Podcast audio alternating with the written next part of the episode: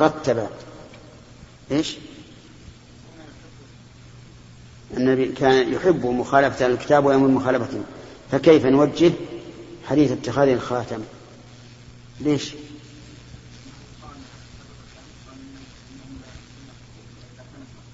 إيه ما. هذا ما ما تقليدا لهم. لكن إثباتا لما يكتب إليه. ثم الفرق كيف لا هو مطلق. من تشبه بقوم فهو منهم. عام. التشبه بالكفار مطلقا منهي عنه سئل عن علم الكيمياء. هذا حمود بن صالح الفنيخ. نعم. سئل عن الحمد لله. سئل عن عن علم الكيمياء هل تصح بالعقل أو تجوز بالشرع فقال الحمد لله ما يصنعه بنو آدم من الذهب والفضة وغيرهما من أنواع الجواهر والطيب وغير ذلك مما يشبهون به ما خلقه الله من ذلك. إلى أن قال وذلك كله محرم في الشرع بلا نزاع بين علماء المسلمين. نعم السؤال ما هي علة تحريم علم الكيمياء؟ أنت تعرف علم الكيمياء الذي يريد الشيخ؟ الكيمياء؟ إيه؟ نعم صناعة الذهب و... ما هو صناعة الذهب اللي خلقه الله يموهون يعني يؤتى إليهم بأحجار ويضيفون إلى أشياء معينة حتى تكون كأنها معدن معدن ذهب. هذا الكيمياء. ما هو الكيمياء اللي إحنا نعرف الآن في المدارس؟ نعم. هل هي مظاهرات خلق الله؟ نعم فيها مظاهرات خلق الله وغش. أما مظاهرات خلق الله فلأنهم يجعلون هذا الحجر الذي هو حجر من حصى يجعلونه ذهبا أو كأنه ذهب. وأما الغش واضح وثم هل يدخل في هذا العلم ما يصنع الآن من المجوهرات واللؤلؤ الصناعي؟ وكذلك الأكسورات. ها؟ إيش؟ لا يا أخي الإكسوارات كذا كيف؟ الاكسسوارات الاكسسوارات والله كافي السين فوق فوق الالف واللام هذه كافي إيه كاف ها؟ أول شيء كاف. بعدين الإكسس وارات. إيه طيب. لا فيها سين مرتين. طيب على كل حال هذا هذا لا, لا ليس مثله لأن هذا معلوم ما فيه غش. لا ما في مظاهرات لأن هذا صناعة. هذا يقول سليم العوفي روى ابن مسعود عن النبي صلى الله عليه وسلم انه قال في حديث متفق عليه لا يحل دم امرئ مسلم يشهد ان لا اله الا الله واني رسول الله الا باحدى ثلاث الثيب الزاني والنفس بالنسب والتارك لدين المفارق للجماعه. اي وش؟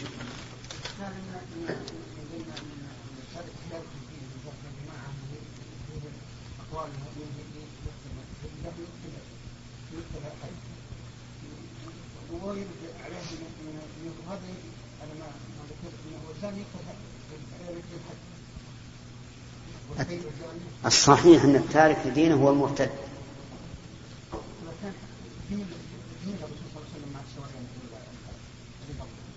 إي نعم.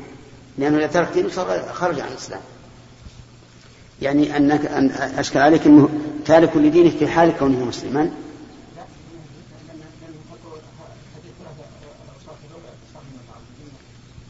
الثيب الزاني وهو مسلم. معروف. النفس بالنفس وهو مسلم. التارك لدينه كافر. فهو مسلم باعتبار ما كان قبل ترك دينه.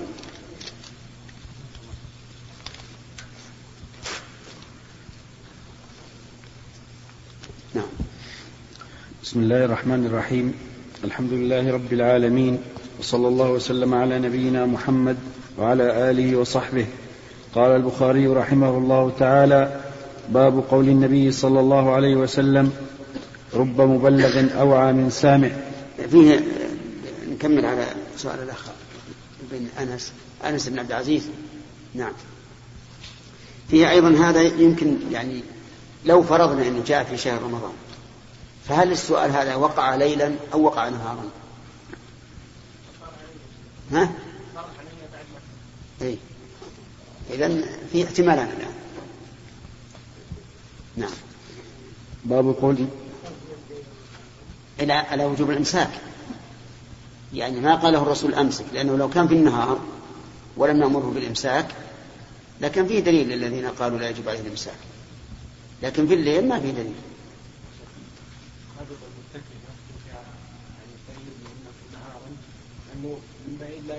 ما هو ظاهر ما هو ظاهر.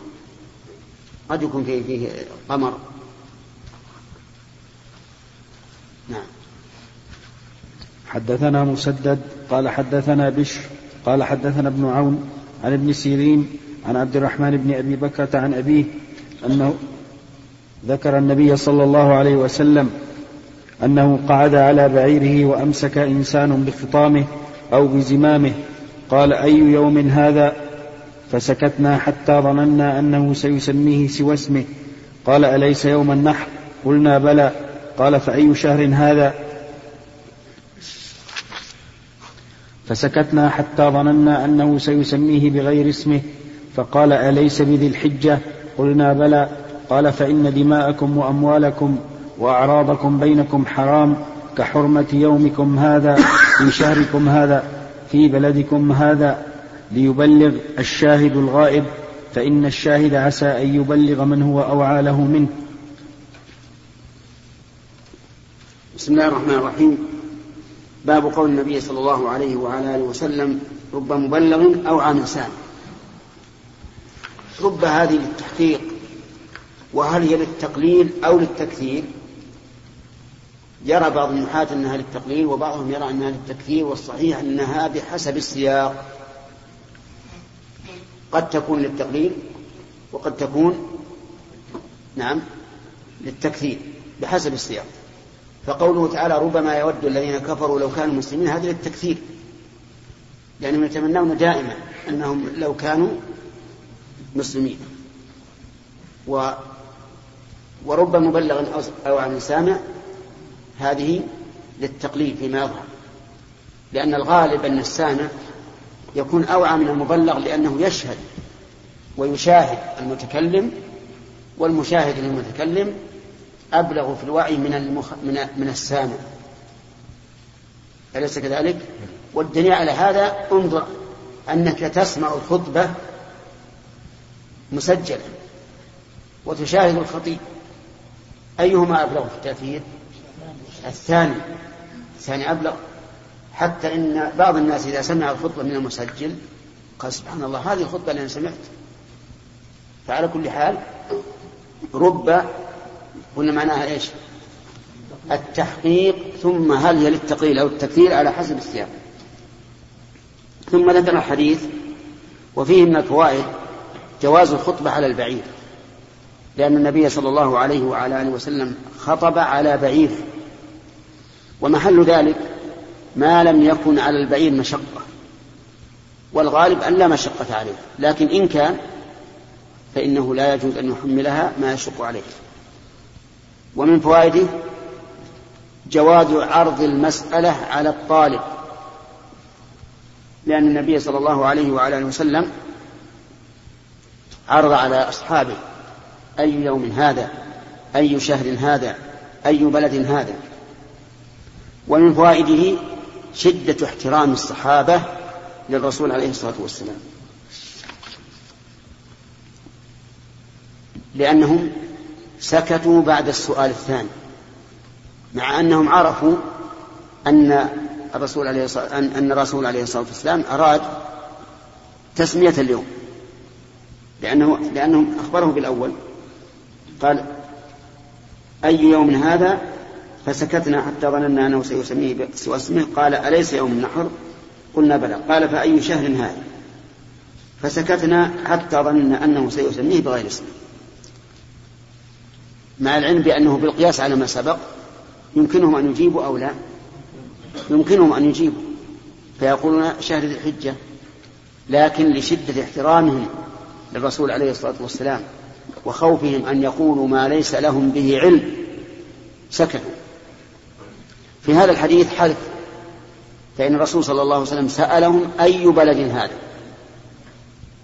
قالوا الله ورسوله أعلم قال أليست البلدة؟ يعني مكة. ويدل لهذا لهذا الحلف قوله في بلدكم هذا فأكد النبي صلى الله عليه وسلم تحريم الدماء والأموال والأعراض بهذه الأسئلة الموجهة للصحابة رضي الله عنهم. ومن فوائد هذا الحديث وجوب تبليغ حديث الرسول عليه الصلاة والسلام. لقوله ليبلغ الشاهد الغائب واللام الأمر. اللام للأمر. والأصل في الأمر الوجوب ويتأكد ذلك على أهل العلم لأن أهل العلم هم الذين ورثوا النبي صلى الله عليه وعلى آله وسلم. فإذا كانوا هم الذين ورثوه فإنه سيوجه إليهم ما وجه إلى الرسول عليه الصلاة والسلام في قوله تعالى يا أيها الرسول بلغ ما أنزل إليك من ربك. وإن لم تفعل فما بلغت رسالته فأهل العلم الذين ورثهم الله علم محمد صلى الله عليه وعلى آله وسلم نقول بلغوا فإن لم تفعلوا فما وفيتم بالعهد والميثاق. وإذا أخذ الله ميثاق الذين أوتوا الكتاب لتبيننه للناس ولا تكتمونه. يقول بعض الناس أنا أبلغ ولكن لا فائدة. قلنا بل فائدة أولا براءة الذمة والثاني بيان للناس أن هذا حرام لئلا يحتجوا بسكوت العلماء على إيش؟ على جوازه وعلى حله. ثالثا أن الأجيال التي عندك الآن قد لا تنتفع لكن الأجيال المستقبلة ربما تنتفع ونحن شاهدنا هذا فيما مضى من الزمان لا نجد بل فيما مضى من الزمان القريب لا نجد في الناس وعيا كوعيهم في الوقت الحاضر الحمد لله. ولا قبولا لحديث الرسول كقبولهم لحديثه في الوقت الحاضر ولا اتجاها للكتاب والسنة وأخذ الأحكام منهما كاتجاههم في الوقت الحاضر. كان أكثر ما عند الناس في الأول أن يقول قال فلان في الكتاب الفلاني قال فلان في الكتاب الفلاني وكلنا على مذهبه لكن الحمد لله الآن بدأ الناس يتجهون اتجاها سليما لكنه يحتاج إلى فرامل. أتعرفون الفرامل؟ هي الكوابح. وما هي الكوابح؟ هي الفرامل. يعني تخفف السرعة أو توقف السيارة. فعلى كل حال الغلو ليس حسنا. لأن بعض الناس غلا في هذا حتى ترك ما قاله العلماء والفقهاء جانبا وصار لا يعبأ به ولا يهتم به بل بالغ بعضهم حتى قال إن الذي يرجع إلى كتب الفقهاء يكون مشركا في الرسالة وليس عنده توحيد رسالة. نعوذ بالله. نعم سمعنا هذا. فهذا خطأ خطأ عظيم. العلماء لهم جهودهم المشكورة ومن كان منهم مجتهدا فأخطأ فهو معذور لكن لنا لنا الحق في أن نرجع إلى كلامهم ونعرف قواعد ونرجع إلى كلامهم ونعرف قواعدهم حتى نبني عليها. وما أحسنه وما ضل من ضل من بعض الناس إلا بسبب بعده عن معرفة القواعد العامة في الشريعة والتي ترجع إليها الفروع. وفي هذا أيضا من فوائد الحديث أنه قد يكون حامل الحديث غير فقيه في معناه أن يكون حامل الحديث غير فقيه في معناه وهذا هو الواقع. نجد كثيرا من الرواة الذين رووا الأحاديث عن النبي صلى الله عليه وسلم وما أكثرهم نجدهم في الفقه ضعفاء. لكن ما أكثر أو بالأصح كثير من من هؤلاء الرواة يكون عنده علم وفقه مع تحمل الرواية. وهذا كثير والحمد لله في أئمة الحديث كالإمام أحمد والأوزاعي وسفيان وغيره ممن جمع الله له بين العلم وبين الرواية. ولكن الرسول لم يقل إن هذا حتم أن من تحمل يبلغه إلى من هو أوعى منه. نعم.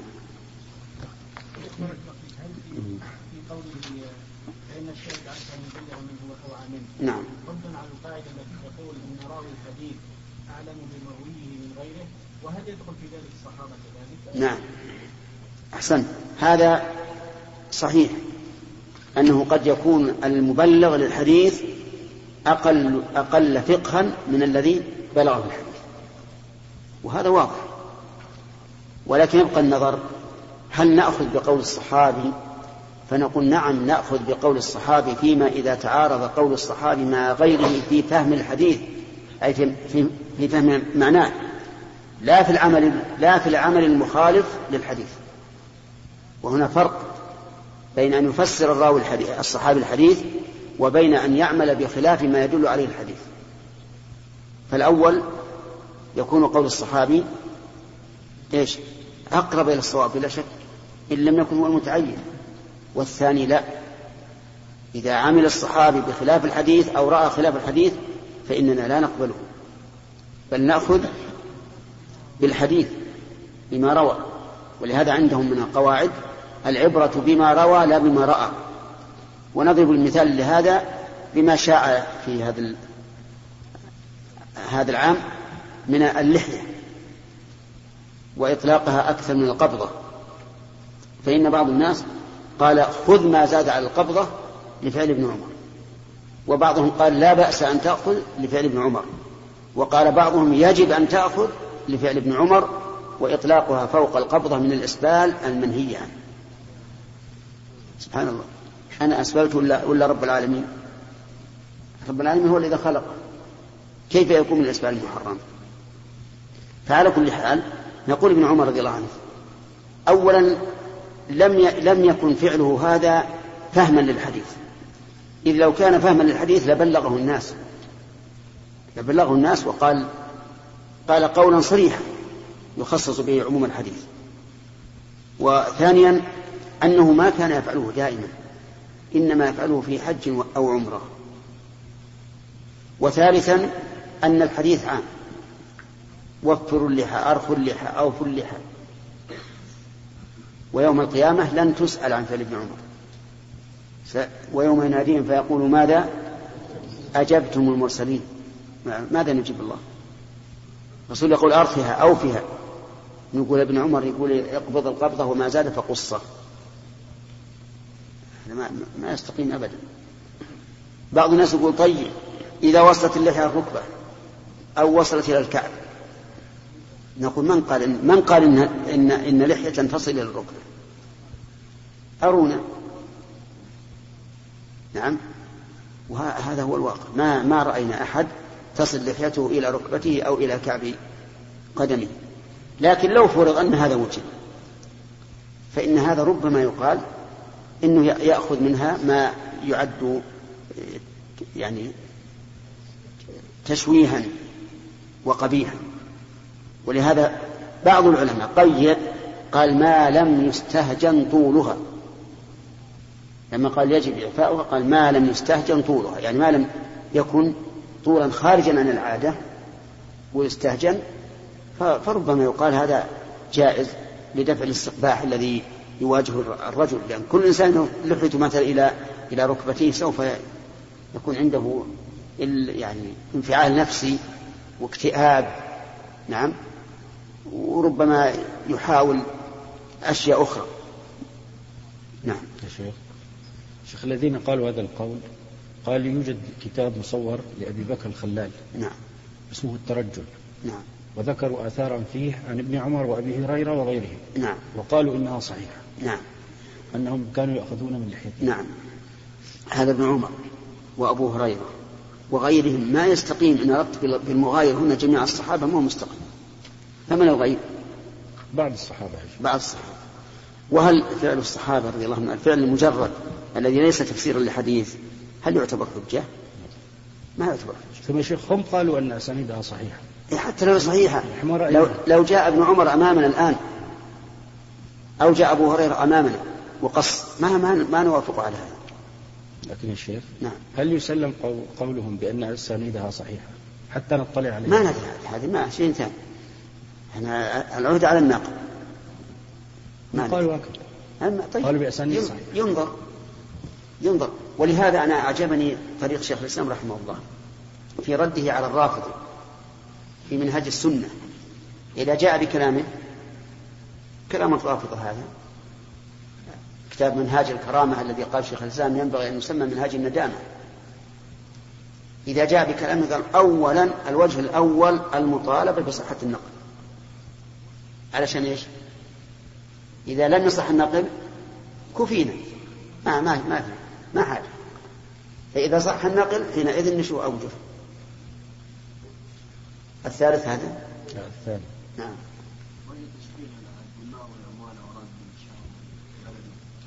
أنا لا قصد الرسول لما كان تحريمه هذا أمرا معلوما عند الخاص والعام. يوم النحر. ومكة وشهر الحجة أراد أن يشبه هذا الشيء بهذا الشيء تأكيدا لحرمته. نعم. باقي واحد. ها؟ باقي واحد. نعم نعم المصطفى والأخ نعم. باب العلم قبل القول والعمل. لقول الله تعالى فاعلم أنه لا إله إلا الله فبدأ بالعلم. وأن العلماء هم ورثه الأنبياء ورثوا العلم من أخذه أخذ بحظ وافر ومن سلك طريقا يطلب به علما سهل الله له طريقا إلى الجنة. وقال جل ذكره إنما يخشى الله من عباده العلماء. وقال وما, وما يعقلها إلا العالمون. وقالوا لو كنا نسمع أو نعقل ما كنا في أصحاب السعير. وقال هل يستوي الذين يعلمون والذين لا يعلمون؟ وقال النبي صلى الله عليه وسلم من يرد الله به خيرا يفقهه وإنما العلم بالتعلم يفهمه. هذا هذا محفوظ.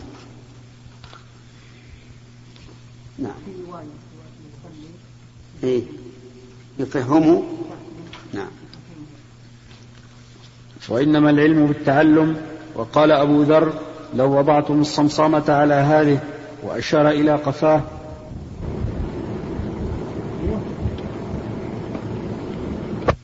قبل أن تجيزوا علي لأنفذتها. وقال ابن عباس كونوا ربانيين كونوا ربانيين حكماء فقهاء. ويقال الرباني علماء. باللام. حلماء؟ حلماء.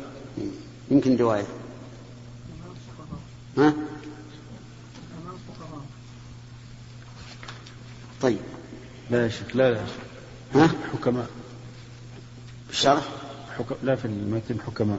يعني عندنا بالمتن حلماء. ويقال الرباني الذي يربي الناس بصغار العلم قبل كباره. هذا الباب لم يذكر فيه المؤلف حديثا مسندا لكنه ذكر آثار وآيات استدل بها على مراده العلم قبل القول والعمل. وهذا له دليل أثري ودليل نظري. أما الدليل الأثري فقوله تعالى فاعلم أنه لا إله إلا الله واستغفر. فبدأ بالعلم قبل العمل وأما النظري فمن المعلوم أن الإنسان لا يمكنه أن يعمل إلا بعلم. العمل مبني على العلم. القول مبني على العلم. هل يمكن أن يعمل الإنسان شيئا بدون أن يكون سابقا؟ أن يكون له به سابق علم؟ هذا لا يمكن. إذا اعلم أولا ثم ثم اعمل ثانيا ولكن طرق العلم. هذه هي التي تحتاج إلى نظر. طرق العلم متعددة. إما من من من شيخ وهذا أقرب الطرق وإما من كتاب وهذا يحتاج إلى معاناة وإما من عمل مشهور وهذا طريق العوام. طريق العوام العمل المشهور. يعيش العامي في هذه الأمة ويمشي معها. وإذا قيل كم عدد الصلوات؟ قال خمس. من أين دليل؟ قال الناس كلهم يصلون خمس. ما كم صلاة الظهر كم صلاة المغرب؟ يقول هكذا. أربع وثلاث الدليل قال عمل الناس. هذا نقول العامي طريق علمه إيش؟ العمل. العمل المشهور في البيئة اللي هو فيها. أما الطريقان الأولان اللذان ذكرناهما فهما أولا التلقي عن الشيخ. والتلقي عن الشيخ أبلغ في التقعيد تقعيد مسائل العلم والتأصيل وأقرب للتناول لأن عند العلم لأن عند الشيخ ما ليس عند الطالب فتجده قد جمع أطراف المعلوم من كل وجه ثم يلقيها إلى الطالب ناضجة. ولا شك أن هذا ييسر للطالب ييسر للطالب كثيرا. أرأيت لو أن لو أنك تريد أن تعرف حكم مسألة فيها خلاف. إذا لم تأخذها عن عن فم الشيخ تحتاج إلى مطالعة عدة كتب.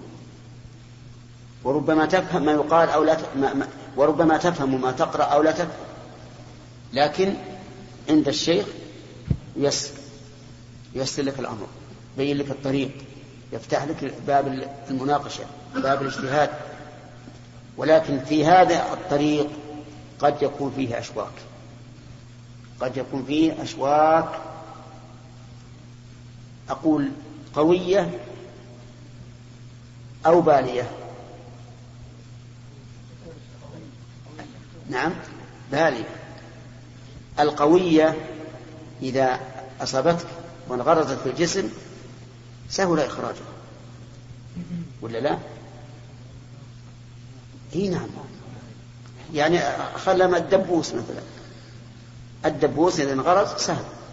تسب له. لكن إذا كانت شوكة بالية تفرقت. إذا أخذت واحد منها نعم انكسرت. ثم أتعبتك. أتعبك إخراج الباقي. وتبقى في في في جلدك. على كل حال التلقي عن الشيوخ فيه أشواك ولهذا يجب أن نعرف الشيخ أولا في عقيدته لأنه قد يكون عنده عقيدة فاسدة على خلاف عقيدة السلف ويكون رجلا ذكيا لا يأتي بالكلام صريحا يأتي به مبطنا من يفهمه وهو ساذج يظن أنه لكنه فيه البلاء. ثانيا أن نعرف مدى دينه لأن بعض الناس يكون عنده علم لكن ليس عنده دين لا يوثق من ناحية الدين لكونه ذا هوى. وهذا أيضا خطير. ويعرف ذلك أن يعرف نزاهة الإنسان من العقيدة السيئة ومن ضعف الدين يعرف بسلوكه وبكلامه وما أسر الإنسان سريرة إلا أطاع الله ذلك على وجهه على فلافة لسانه وصفحة وجهه. أما الكتب الطريق الثاني وهو التلقي من الكتب فهذا يحتاج إلى عناء كبير وإلى مثابرة طويلة حتى يدرك الإنسان ما يدرك. وقد قيل من كان دليله كتابه كتابه كان خطأه أكثر من صوابه وليس المعنى أنه لا يصيب لكن يخطئ كثيرا. إذا نبدأ أولا بماذا؟ بالتلقي. ثم إذا لم يجد فالضرورات تبيح المحظورات. يكون بمراجعة الكتب والمثابرة. حتى نصل إلى العلم ثم نبني عملنا على علم على العلم. نعم. ثم يقول وأن العلماء ورثة الأنبياء. و و ورثوا العلم. من أخذه أخذ بحظ وافر العلماء ورثوا. وهذا ظاهر صواب العبارة ورثوا العلم. العلماء ورثوا العلم. لم يورثوا درهما ولا دينارا. قصد نعم. الأنبياء ورثوا العلم. لم يورثوا درهما ولا دينارا. وهذه من حكمة الله عز وجل. قال النبي صلى الله عليه وسلم إنا معاشر الأنبياء لا نورث ما تركنا صدقة.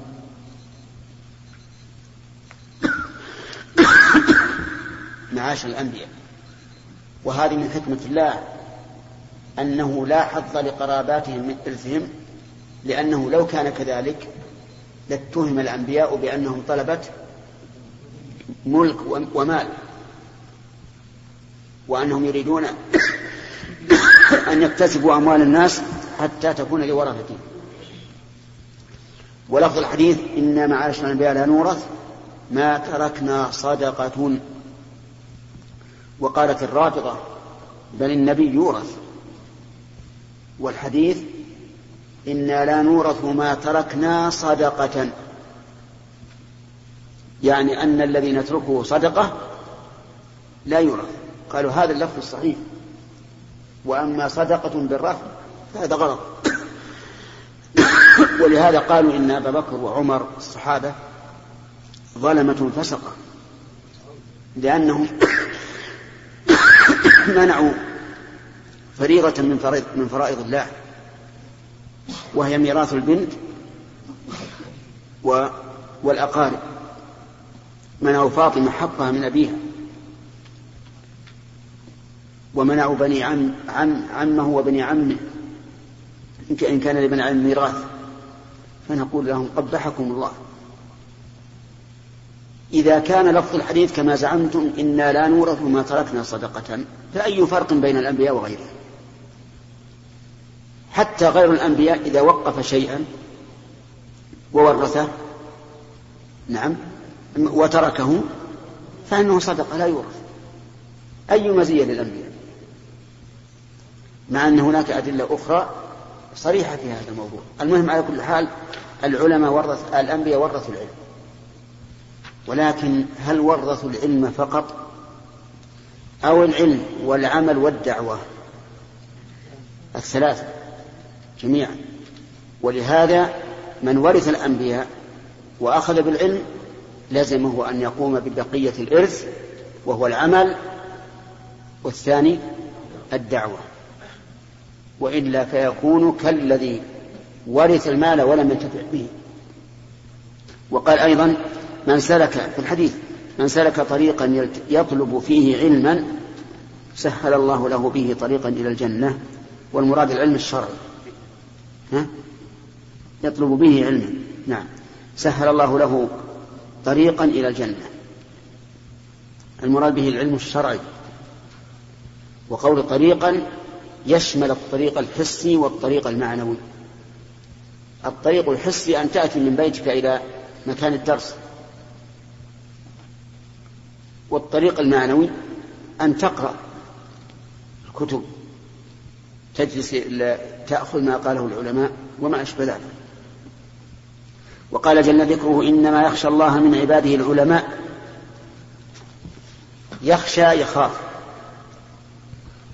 ولكن الخشية أكمل من الخوف. لأنها تكون مع العلم.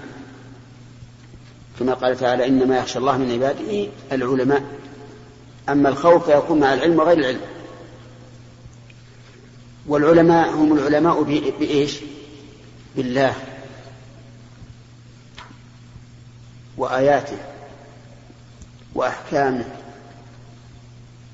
وإن شئت قل بالله وآياته وتشمل الأحكام لأن أحكام الله تعالى من آياته سواء كانت أحكاما كونية أو أم أحكاما شرعية.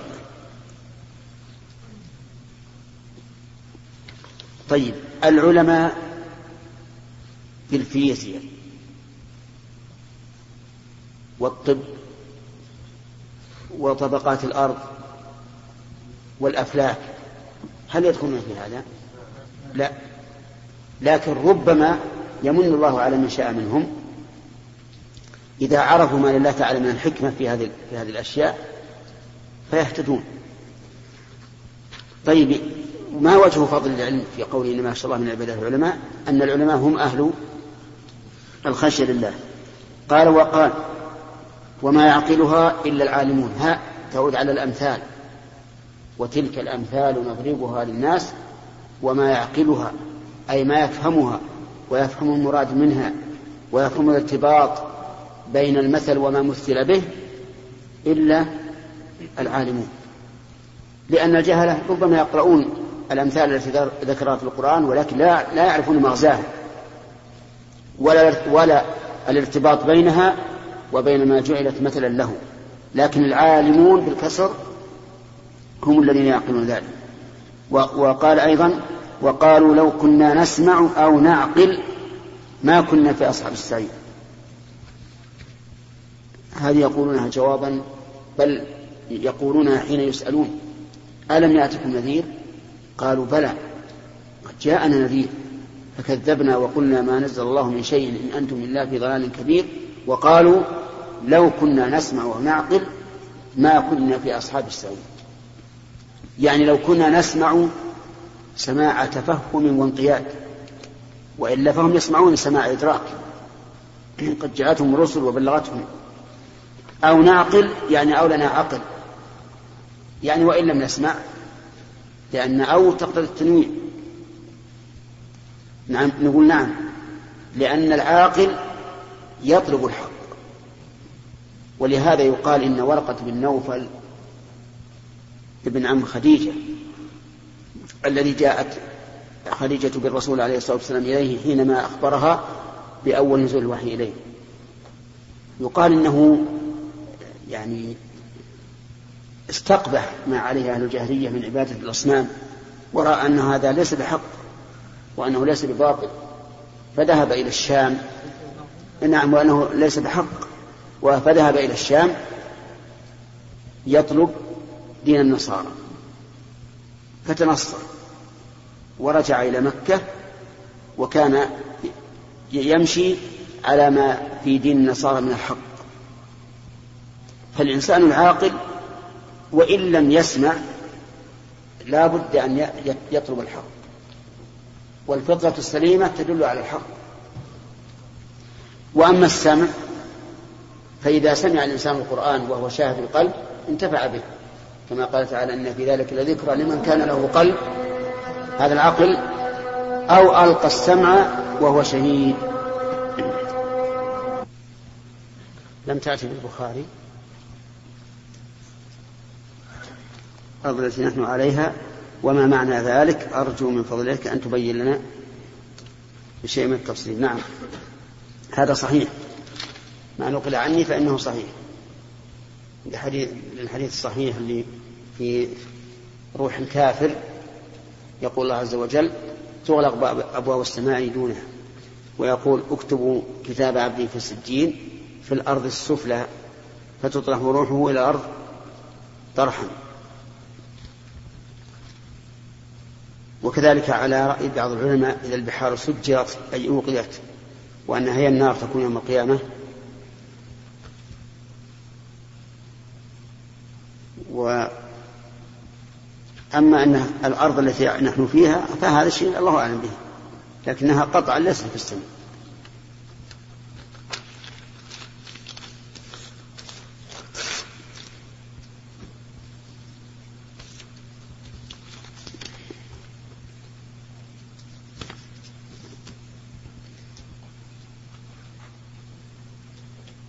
هذا استعمال الصيخان هذا سؤال خاص الأحسن تسألني عنه شفويا.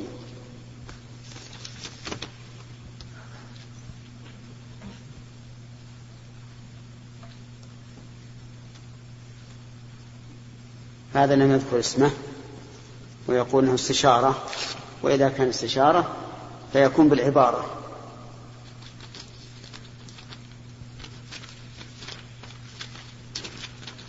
وهذا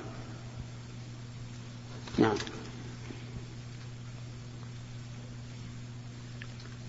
هذا يقول سامع ذكرنا بالأمس أنه أن من يعتمد على الكتب في تحصيل العلم يخطئ مما أكثر مما يصيب. وكثير من الدول الإسلامية لا يوجد بها علماء. يرجع يرجع الناس إليهم في أمور دينهم فيتصدى لتوجيههم وتعليم مجموعة من الشباب الذين لم يتعلموا إلا من الكتب فما الواجب على هؤلاء الشباب؟ الواجب عليهم أنهم يتحرون الصواب للضرورة. وليس معنى ذلك أنه ما يمكن يكون الإنسان عالما مجتهدا إلا, إلا بالمشايخ. فيه علماء وصلوا إلى غاية من العلم وهم لم يدرسوا على مشايخ. لكن هذا قليل.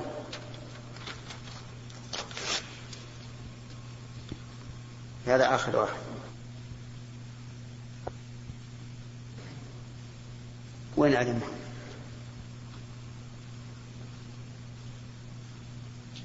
هل يتناول حديث الأعمال بالنية أعمال القلب والجوارح؟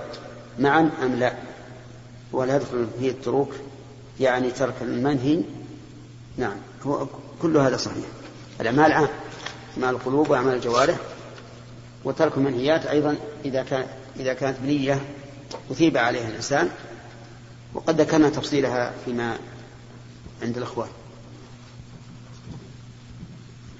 نعم. نعم. كيف؟ ما هو؟ نعم. نعم. بسم الله الرحمن الرحيم. وقال يعني قال الله تعالى هل هل يستوي الأعمى هل يستوي الذين يعلمون والذين لا يعلمون؟ وهذا استفهام بمعنى النفي. يعني لا يستوي الذين يعلمون والذين لا يعلمون. وإذا جاء النفي بصيغة الاستفهام صار أبلغ لأنه في هذه الصيغة يضمن معنى التحدي. كأن المتكلم يقول إذا كان إذا كان يستوي الذين يعلمون والذين لا يعلمون فأخبرني بهم. فإذا جاءك النفي بصيغة الاستفهام فإنه يكون أبلغ من الاستفهام المجرد. إذا جاء النفي بصيغة الاستفهام فإنه يكون أبلغ من النفي المجرد.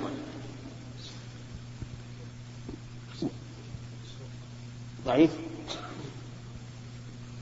وقال تعالى وقال النبي صلى الله عليه وسلم من يرد الله به خيرا يفهمه. وهذا جزء من حديث معاوية رضي الله عنه أن النبي صلى الله عليه وعلى آله وسلم قال من يرد الله به خيرا يفقهه في الدين. وكأن المؤلف رحمه الله اقتطع منه هذه القطعة بالمعنى أيضا لأن الفقه في الدين هو الفهم فيه. فهم أحكامه وحكمه وأسراره. وفي هذا بشارة لمن رزقه الله تعالى الفقه في الدين أن الله تعالى أراد به خيرا فتكون هذه من عاجل بشرى المؤمن. قال وإنما العلم بالتعلم يعني ما العلم إلا بالتعلم. ليس يأتي العلم هكذا هدية للإنسان. كأنه طبق من طعام بل هو بالتعلم وأيضا بالتعلم الجاد لا بالتعلم المتقطع ولا بالتعلم المتماوت بل هو بالتعلم الجاد. ويقال اجعل كلك للعلم يأتك بعضه وإن جعلت بعضك للعلم فاتك العلم كله. فلا بد من من لا بد من التفرغ التام. للعلم والاجتهاد التام والمذاكرة والمناقشة لأن المذاكرة تحفظ العلم والمناقشة تفتح فهم الإنسان حتى يستطيع أن يعرف الأدلة ويستنتج الأدلة الأحكام منها ويعرف كيف يتخلص من الأشياء المتشابهة والمتعارضة. وهذا أمر مجرد أما الإنسان يقرأ هكذا سرجا بدون تفهم وبدون مناقشة فإنه لا يستفيد كثيرا. وقال أبو ذر لو وضعتم الصمصامة على هذه وأشار إلى قفاه ثم ثم ظننت أني أنفذ كلمة سمعتها من النبي صلى الله عليه وعلى آله وسلم قبل أن تجيز علي لأنفذتها إذا أن أنفذ.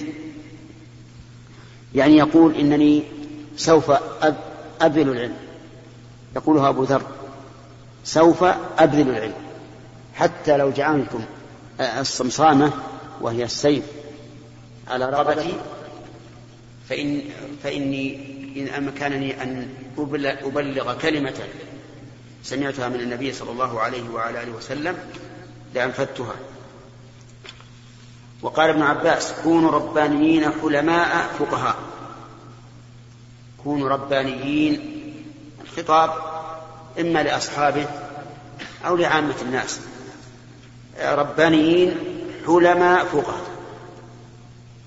الحلم وعدم التسرع وعدم التعجل بالمؤاخذة ويكون في جميع الأشياء. فالحليم هو الذي يتأنى في أموره ولا يتعجل ولا يتسرع. وأما فقهاء فواضح. من فمن هم الربانيون؟ قال وقال الرباني ويقال الرباني الذي يربي الناس بصغار العلم قبل كباره. نعم؟ نعم. ويقال الرباني الذي يربي الناس بصغار العلم قبل كباره. يعني أنه الذي يعلم الناس شيئا فشيئا. ولا يأتي إلى ولا يأتي إلى العلم ولا يأتي إليهم بالعلم. هكذا بعلم صعب لا يفهمونه فإن ذلك لا, لا يستفيدون منه شيئا. وقيل الرباني هو الجامع بين التعليم والتربية وأنه مفهوم من فضلك اقلب الشريط.